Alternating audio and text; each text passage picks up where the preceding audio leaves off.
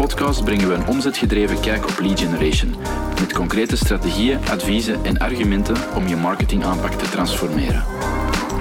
Enjoy. Oké Nico, leuk dat we hier weer zijn. Uh, we hebben vandaag een heel interessant uh, topic bij. Namelijk het feit van, uh, we hebben er al vaker naar gealludeerd, naar klantenbevragingen en inzichten.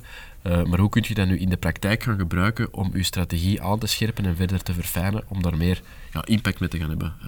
Einddoel natuurlijk altijd. Dat was zelfs een heel specifieke vraag waar je een paar keer terugkwam. Oké, leuk dat jullie meegeven dat dat moet, maar hoe kan ik daar nu concreet mee aan de slag gaan? Daar hebben we vandaag een paar inzichten uh, rondbij, uh, zodat mensen dat ook in de praktijk kunnen gaan omzetten. Top. Um, misschien even kader. Um, hoe kun je uw, strategie uh, baseren op inzichten?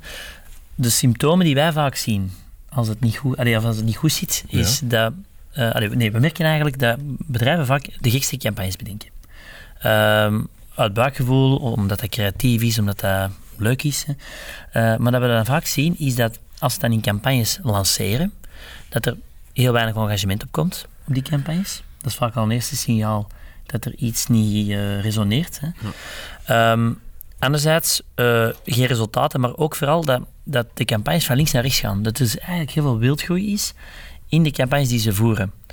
En dat is vaak omdat men zegt van we gaan van campagne naar campagne of van idee naar idee op buikgevoel, omdat de vorige niet werkte, gaan we naar de volgende. En blijven ze eigenlijk ronddraaien in campagnes en ziet dat er geen lijn in zit. En dat is vaak omdat ze de inzichten niet hebben van klanten waar zij van wakker liggen, waar zij mee bezig zijn. Waardoor ze content creëren in alle kanten en eigenlijk geen resultaten op dat vlak. Dus zo van links naar rechts springen in campagnes en het weinig engagement op je campagnes en weinig resultaat. Dat is niet omdat je campagne slecht is ingesteld. Vaak niet. Dat is vaak omdat er gebrek is aan inzicht vanuit je ideale klant en dat je met andere woorden je campagne gewoon niet resoneert. Buikgevoel is daarbij één, hè, dat je hm. in een brainstorm probeert tot nieuwe ideeën of campagnes te komen, maar de, de vind ik zo'n goede term, de marketing echo chamber, dat is aan het geven naar je concurrenten te kijken om te zien wat dat die doen en daar dan uw ideeën op af te stemmen, terwijl ja, heel vaak is dat ook niet gebaseerd op inzichten en dan zijn die twee ergens anders gaan halen. Dus je ziet zo dezelfde ideeën en, en, en concepten en campagnes heel vaak terugkomen. Um, die worden dus in stand gehouden, terwijl die heel vaak inderdaad niet op kwalitatief inzicht zijn gebaseerd. En ligt daar niemand van wakker. En dan is het inderdaad ja, een wave van 8 à 12 weken en dan gaan we het nieuw doen. En mensen blijven zo in dat straatje zitten, of partijen blijven in dat straatje zitten. Uh, terwijl je dat, denk ik, heel gemakkelijk kunt onderscheppen door gewoon maar ja, je, ogen en oren open te houden voor waar dat je publiek nu echt wakker van ligt. Ja. Dus dat is een, een paar voorbeelden van geven hoe dat wij dat eigenlijk uh, aanpakken en een paar misschien concrete vragen waar dat mensen wel op kunnen inzoomen. Hè.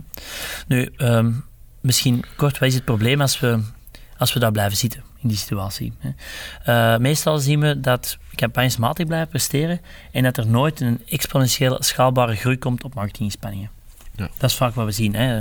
Ze blijven de status quo behouden, uh, of ze blijven hun gemiddelde behouden in ieder geval, maar er komt geen exponentiële groei. Um, wat dan een probleem is, want je, je, je, je, kunt dan niet echt efficiëntie creëren. En ik denk, door daar te lang te blijven zitten, gaat er wel een stuk in de middel komen, waardoor eigenlijk de ROI van je marketinginspanningen zeer laag zal blijven en misschien zelfs uh, tot gevolg heeft dat je budgetten beperkt worden omdat je eigenlijk die schaalbaarheid van je marketingspanning niet hebt. Dus op termijn kan dat een heel grote impact hebben op budgetten die naar beneden gaan en vooral ja, de groei van de organisatie die naar beneden gaat op dat vlak ook. Of in ieder geval toch niet de groei kent die we zouden moeten kennen, wat dan weer tot frustraties leidt van dat sales- en dat marketingteam. Dus het kan heel nefast zijn als je daar blijft zitten en dat je niet de switch hebt probeert te maken door die inzichten te gaan vergaren. Ja, en hoe kunnen nu weten dat je daar zit? Dat is het feit van, we doen campagnes en we doen mm. posts of activiteiten en je krijgt heel weinig feedback of, of uh, positieve signalen terug. Ik denk dat dat het grootste is. Als je langere tijd iets aan het doen bent en er stroomt dan niet spontaan iets binnen of je krijgt die spontaan feedback, dat, allee, dan denk ik dat dat zo'n signaal is dat je waarschijnlijk uh, wel gebaat zou kunnen zijn bij effectief die inzichten te gaan ophalen. Ja, en los van de vragen die je zou kunnen stellen, uh, toch zien we vaak dat als we dat vertellen bij bedrijven, dat ze zeggen van, oh ja, ja, dat is eigenlijk wel correct. Uh, we hebben ooit eens een bevraging gedaan via een formulier, waar we hebben gevraagd waar ze leven, hoe ze leven en met wie ze leven. Mm, maar daar zitten niet de inzichten. Vanuit ons standpunt merken we dat de inzichten pas worden opgedaan als je kwalitatief e-, één op één met die klanten erover praat en blijft doorgraven. Blijft doorgraven in de manier hoe zij hun beslissingsproces hebben doorgemaakt, in de manier hoe dat zij keuzes hebben gemaakt. En dat kun je heel moeilijk, heel moeilijk, echte inzichten kunnen heel moeilijk kwantitatief uh, opdoen. Uh, wat we wel soms zien is dat er heel wat kwalitatieve gesprekken lopen en dat die dan later kwantitatief op grotere schaal worden afgetoetst. Dat kan perfect, maar de echte inzichten uh, zitten volgens mij, en ik denk dat jij er ook zo over denkt, zitten volgens mij echt wel in het gesprek met een klant één op één. Dat is het gemakkelijkste en zo wat, ja, ik vind het altijd interessant, in die geval zijn we ook ooit getrapt van, we gaan dat formaliseren, we gaan er een proces voor hebben en we gaan een, een survey uitwerken en dan hebben we inzichten. Maar ja, zo werkt dat natuurlijk niet. Dat is iets ongoing uh, aan de ene kant, denk ik. Dus dat je continu die inzichten en die feedback moet opzoeken. En aan de andere kant, uh, dat diepgraven, hetgeen dat je net aanhaalde, je kunt niet met één vraag een antwoord en dan naar de volgende vraag komt het er vaak niet. Het zijn de, de, antwoorden die je krijgt, waarop dat je kunt ja, doorgraven, dieper graven, die dat dan tot de kern van iets gaan leiden. En uh, vragen stellen gewoon voor de vorm, hè, iemand interviewen over 10 minuten en er 5 à 10 vragen op afvuren, dat is het niet. Dat is de, denk ik gewoon de, aan het afvinken van we, we vragen ons klanten, zie je hoe dat we bezig zijn. Uh, het is pas als je bij zo'n aha-moment komt en tot zo'n inzicht komt, dat je denk ik ja, echt onderzoek hebt gedaan. Hmm. Anders ze er gewoon voor de vorm de bevraging aan doen om te zeggen dat je, dat je die echt in de rug hebt en dat je die hebt gedaan. Ja, en je weet meestal wel de, de, de, de wat. Hè. Als je kwantitatief doet, je weet meestal wel wat of hoe, weten wel, maar echt de waarom, uh, dat kun je in zo'n kwantitatief, vind ik, heel moeilijk achterhalen. Hmm. Of toch niet echt tot de essentie. Oppervlakkig zal dat wel lukken, maar als je echt naar de essentie wilt gaan, wat dat volgens mij essentieel is bij de start van uh, je strategie, je moet eerst tot de essentie gaan, om dan uiteindelijk uh, dat door te vertalen naar een volledig concept. En dan kan dat volgens mij alleen maar kwantitatief. Nu, misschien een paar vragen die wij eens meepakken. Ja. Um, wij zeggen meestal, en dat is ook effectief zo, er is geen vaste vragenlijst hè, dat wij eigenlijk uh, hanteren. Uh, je kunt geen script maken, want anders zou ik het meegeven, maar dat, dat heb je niet. Nee, nee, omdat dat gesprek, en dat is nu net het voordeel denk ik, om dat kwalitatief te doen, dat gesprek gaat eigenlijk organisch soms naar plaatsen waar je nooit had gedacht dat het gesprek naartoe ging gaan, maar daar zitten nu net die inzichten. Hè? Dus, uh, want anders hadden dat kwantitatief of van het buikgevoel wel kunnen, kunnen opvissen. Uh, maar we starten meestal met zo van die vragen, uh, zoals... Maar wacht, misschien voordat we die vragen inzoomen, mm -hmm. vind ik nog wel een belangrijke, want ik hoor vaak dat bedrijven dat niet de angst hebben om met je klanten te praten. Ik weet niet of jij dat vaak tegenkomt. Ja, omdat ze geen slapende honden willen wakker maken. Ja, ja, ja. Zo van, goh, ja... Uh, ja, we weten wel dat het met die klant gaat. En je voelt zo een onzekerheid om met de klant in gesprek te gaan. Want inderdaad, er zouden, er zouden maar eens wat zaken naar boven moeten komen. Maar, allee, zwet, dat was ook iets te zeggen, maar ik denk dat, dat dat echt wel die angst... Velen van jullie zullen dat herkennen, maar probeer dat echt los te laten, want de, de return on inzichten is dermate, weegt dermate op tegenover ja, misschien soms is een lastiger gesprek over een, een case die moeilijker ging. Dan kun je alleen maar het leren om uh, het productteam of serviceteam te gaan verbeteren of om, om vanuit die inzichten je offering te verbeteren. Dus laat dat volledig los, denk ik. Ik denk dat klanten dat zeker eerder appreciëren dat je, dat je in gesprek gaat met één op één. Zeker, maar moesten die schrik hebben, en dat ziet inderdaad genoeg, um, dan moeten daar geen formele meeting van maken waarin je zegt we gaan nu een paar vragen stellen om onze dienstverlening hmm. aan te scherpen. Dan denk je dat er genoeg instanties zijn. We waren vorige week nog met een van onze collega's uh, voor een paar klanten een, uh, een, een, een expertsessie aan het houden. Um, waarin we gewoon informatie deelden. En op regelmatige punten doorheen die, uh, die presentatie stond hem even stil om kwalitatief te vragen van hey, ik, ik, vertel nu dit. Stel nu dat jij in deze situatie zat, hoe zou jij, welke stappen zou jij doorlopen om tot een oplossing te komen? Dat zijn al, allee, uh, en dat wordt dan openlijk besproken en dat mhm. komt niet over als een bevraging. Dus ik denk dat je een beetje moet inschatten voor jezelf hoe formeel kunnen we zoiets maken, zo'n sit-down met een klant en hoe kondigen we dat aan. Maar er zijn perfecte manieren om dat ook gewoon in salesgesprekken, in klantenmeetings of tijdens presentaties te zien dat je die inzichten sprokkelt. Ik denk dat je al een klein beetje er moet van afstappen dat dat alleen tijdens zo van die heel serieuze sit-downs kan, waarin dat we nu eens gaan fileren hoe dat jij online uh, informatie opneemt en hoe dat koopt. Um, dus die inschatting moet je een klein beetje zelf maken. Ja. En dan kun je er altijd rond, maar laat je zeker niet tegenhouden door een initiële schrik misschien om dat te doen. Um, om die inzichten te gaan halen, want dat gaat je alleen maar beter maken en ervoor zorgen dat je weggaat van die, uh, uh, van die commodity of van de, de stuk in de middel vooral. Um, ja. Wat wel essentieel is om, om stappen te blijven zetten natuurlijk. Ja, helemaal. Dat heeft als zijnoot. Maar in ieder geval, als we dan hebben over, over vragen, hè, hoe pakken we dat aan? Beginnen vast de leidraad. Ik denk de leidraad is, of de, de gemene deler is, dat wij meestal uh, heel wat vragen stellen rond hoe dat hun informatieproces tot een aankoop is verlopen. Uh, dus informatieproces. En wat hoort daarbij? Welke kanalen? En welke kanalen hebben je geconsulteerd om tot een shortlist te komen van bepaalde partijen? Mhm. Welke informatiebronnen heb je geraadpleegd? Dat kan, uh, dat kan los van een kanaal, maar welke soort van informatie heb je geraadpleegd om je beslissingen te nemen? Maar dat kan ook zijn bijvoorbeeld welke uh, experten volg je vandaag in de markt en hebben geholpen om je keuzes op een goede manier te maken. Welke mensen volgt op LinkedIn of op TikTok of op Instagram bijvoorbeeld, die bijvoorbeeld uh, u geholpen hebben om bepaalde keuzes wat te finaliseren. En dat, dat is het influencer-verhaal, denk ik, maar uh, het gaat ook wat breder. Het gaat echt over naar, naar uh, experts, topic-experten. want dat is ook zeer waardevol om want sommigen blijven zeggen, maar waarom is dat relevant? Ja, omdat zij content delen die blijkbaar voor onze doelgroep zeer relevant is. En één, misschien moeten wij ook eens kijken dat wij strategisch met die mensen mee aan tafel kunnen zitten, omdat dat blijkbaar invloed heeft op onze ideale klant zijn beslissingsproces. Dus het zijn zo'n lagen dat je moet proberen af te vangen. Um, of bijvoorbeeld welke events. Welke events zijn voor u essentieel vanuit uw rol, vanuit de beslissingen die je wilt maken het komende jaar, om uw informatiefase um, te vervolledigen, of om die eigenlijk te gaan invullen. En, daar, en, met zo'n set van vragen beginnen wij. En dan beginnen klanten daarop door te praten. Uh, en dan blijven wij eigenlijk de waarom continu verder uittypen. Ja. Om dan tot een soort essentie te komen van dat zijn de bronnen waar dat ze leven, of die zij uh, consulteren. Dat zijn de mensen die ze volgen. Dat zijn de kanalen die ze rond raadplegen. We zien dan een rode draad als we 10, 15, 20 klanten bevragen.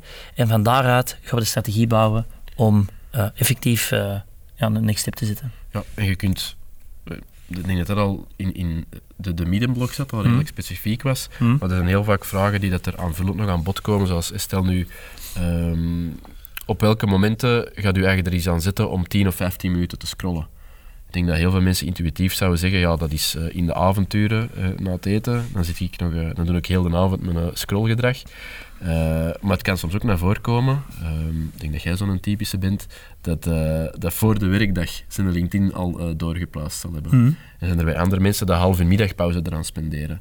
Um, dus, dus die, die, die comfortzone waarin dat ze, allee, de, de, de, momenten waarop dat ze uh, informatie gaan raadplegen en welke kanalen, of via welke kanaal dat dan gebeurt, is een heel relevante. Gewoon om, om de prospect uh, of de eindklant beter te begrijpen. Wat dat aan het andere uiterste hebt, is als we rond een bepaald product of vanuit een bepaalde organisatie die bevragingen doen, uh, welke andere spelers zitten er vandaag al op in zijn uh, overweging zit en waarom. Ja. Um, en dan ga je heel vaak hebben dat dat bijvoorbeeld dat zal een bepaald bedrijf volgen waarin dat er één heel uitgesproken uh, is, hè, die daar heel veel expertise in heeft en die dat, dat heel actief uitdraagt en die is plezant om te volgen, want die brengt dat op een leuke manier. Of omdat er ergens een heel uitgebreide database aan, uh, aan uh, expertise of kennis is die dat ze rustig kunnen doornemen, bijvoorbeeld op een website of op ergens een ander kanaal of een omgeving.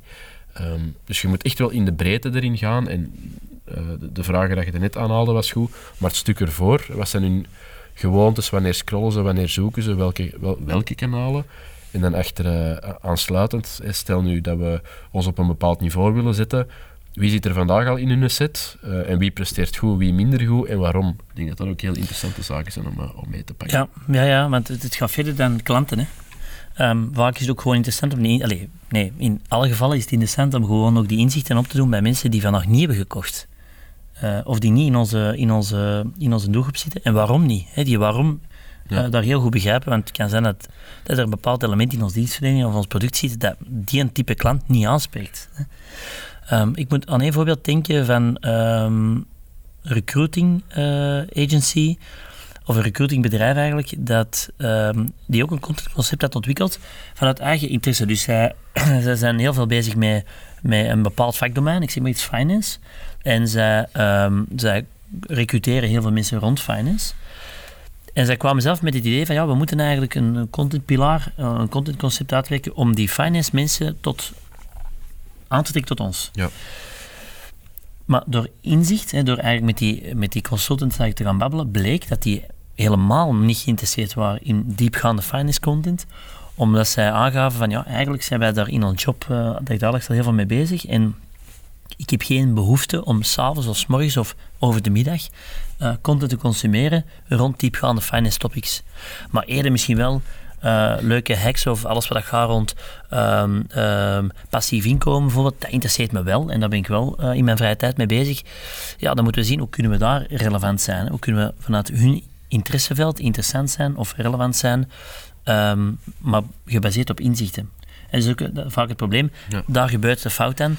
Wij zeggen, wij willen heel veel over finance brengen, want dat is onze expertise.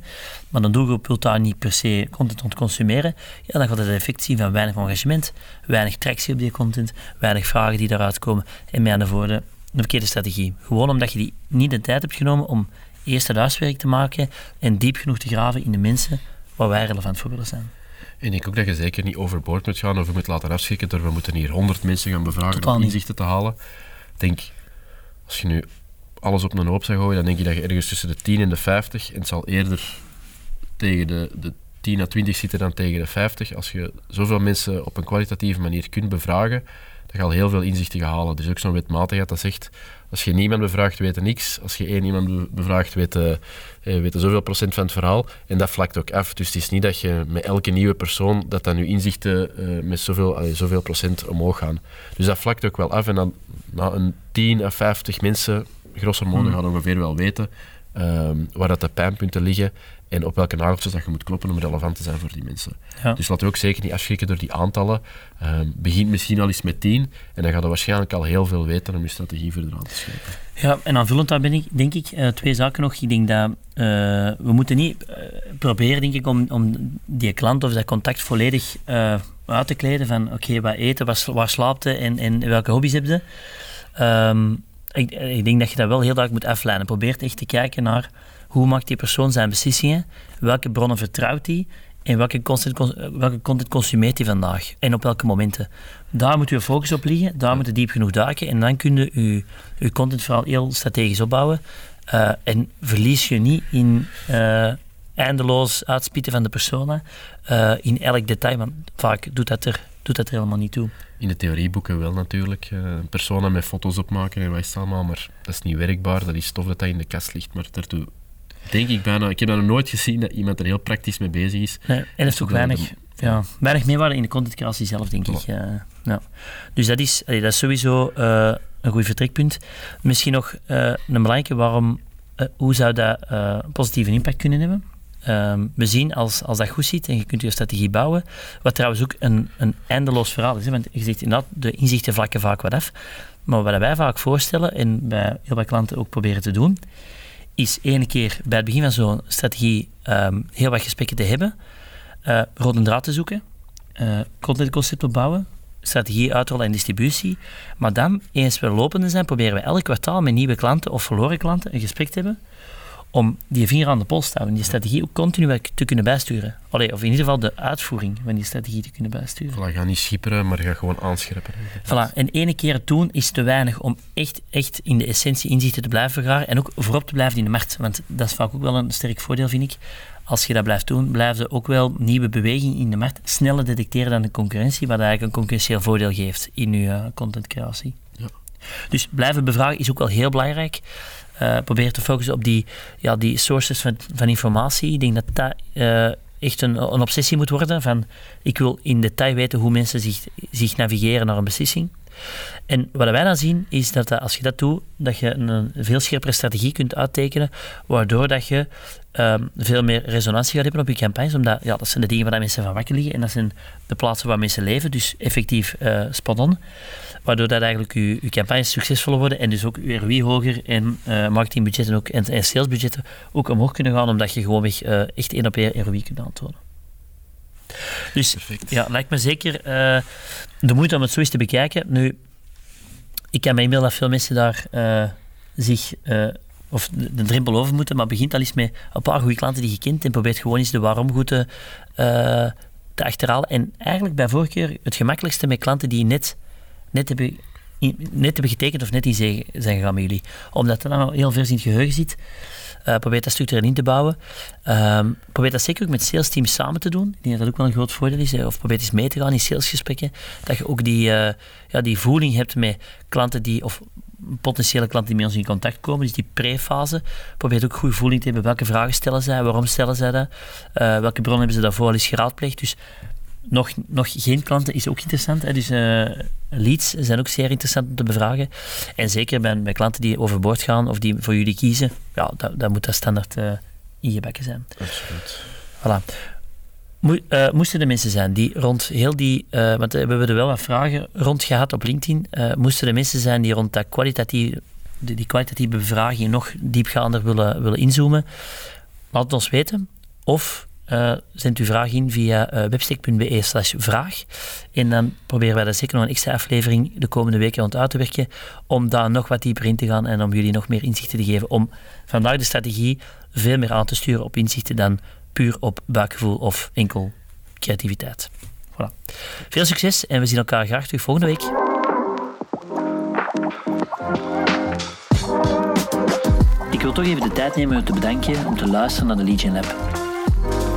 Wil je als eerste meer inspiratie ontvangen? Abonneer je of heb je specifieke vragen na het beluisteren van deze aflevering? Stuur ze gerust via LinkedIn. Tot volgende week.